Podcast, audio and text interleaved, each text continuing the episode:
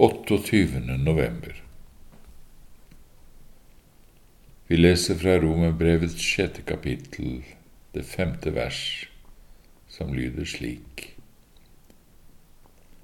Er vi blitt forenet med Kristus ved en død som er lik hans død, så skal vi også bli det ved en oppstandelse som er lik hans oppstandelse. Rosenius skriver Måtte vi alle merke oss her hva som er den sanne helliggjørelsens hemmelighet. Apostelen sier ikke at vi bare skal streve etter å bli lik Kristus i hans død og oppstandelse. Han sier vi er innplantet, innpodet i Kristus ved likheten med hans død og oppstandelse. Ordet innplantet eller sammenvokst det skildrer en inderlig forening med Kristus. Hvor finner vi vel en mer inderlig forening mellom enn mellom stammen og en frisk gren? Sammen er de jo på fullkommen måte tre. Det samme livet og saften som er i stammen, er også i grenen. Av natur er de ett. For et under av Guds nåde. Kristus har selv brukt dette bildet med grenene i vintreet for å beskrive foreningen mellom ham og de troende i Johannes 15. Der taler han om denne sammenvoksningen med ham og sier, Jeg er vintreet, dere er grenene. Den som blir i meg og jeg i ham, osv.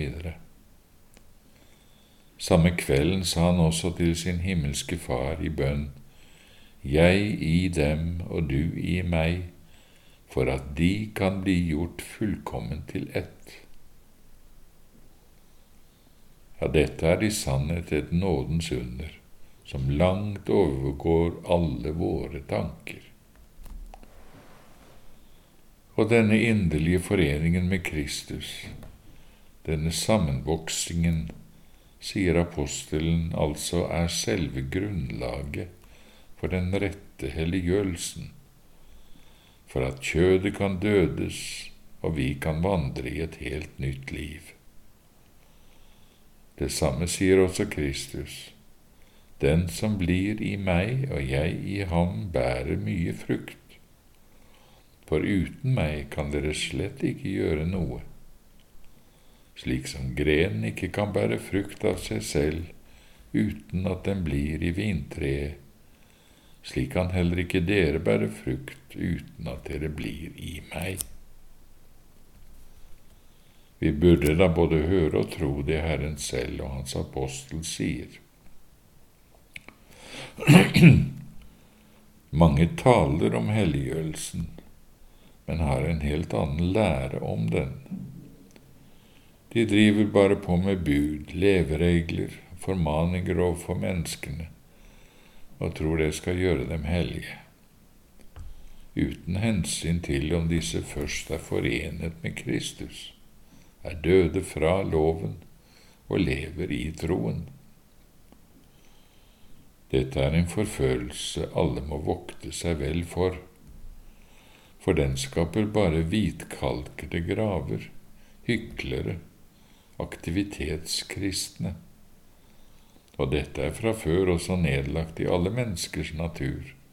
Vi tror vi selv er i stand til å gjøre Guds vilje, bare vi anstrenger oss nok.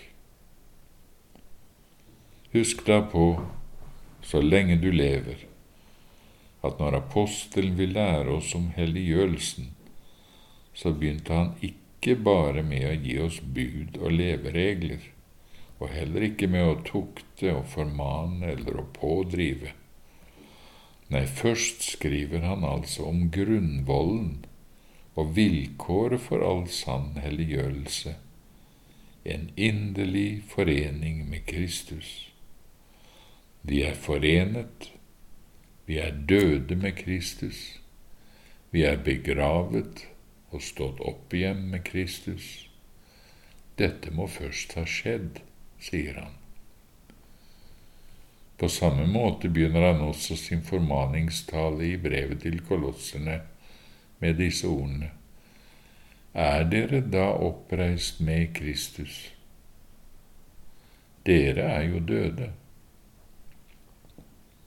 Og når Herren selv forteller oss hvordan vi skal kunne bære frukt, sier han, dersom dere blir i meg.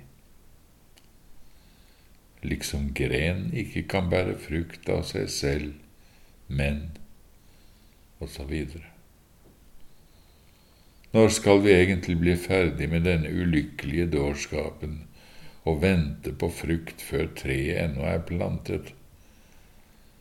Denne innbilningen som stikker så dypt i oss, om at vi i oss selv har noen kraft til å bære god frukt. Er du ikke forenet med Kristus, så er det umulig at du kan bære god frukt. Men derimot er det like så umulig at du kan bli uten frukt hvis du virkelig lever i et forenet samfunn med Kristus. Han sier jo selv at den som blir i meg og jeg i ham, han bærer mye frukt.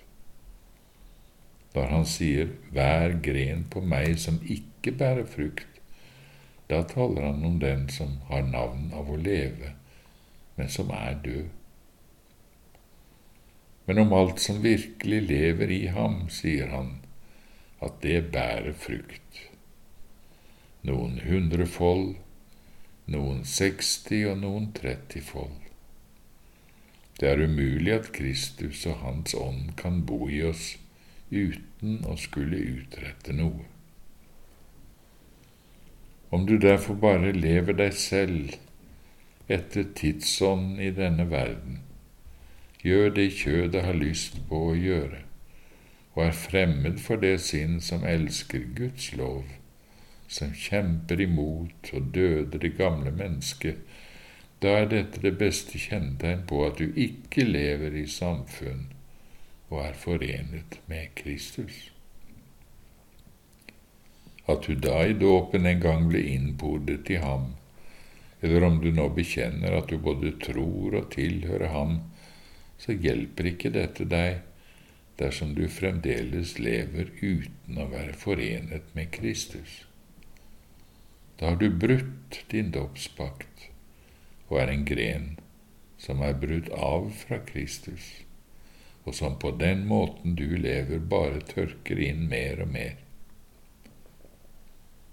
Men Gud, Han som gjør de døde levende, og kaller på det som ikke er til, som om det var til, han gjør fremdeles store under. Nettopp da vi var døde i syndene, gjorde han oss levende med Kristus. Han er rik på barmhjertighet på grunn av sin store kjærlighet, og han vil fremdeles gjøre det under også med deg, som Kristus skildrer slik. De døde skal høre Guds sønns røst, og de som hører, skal leve.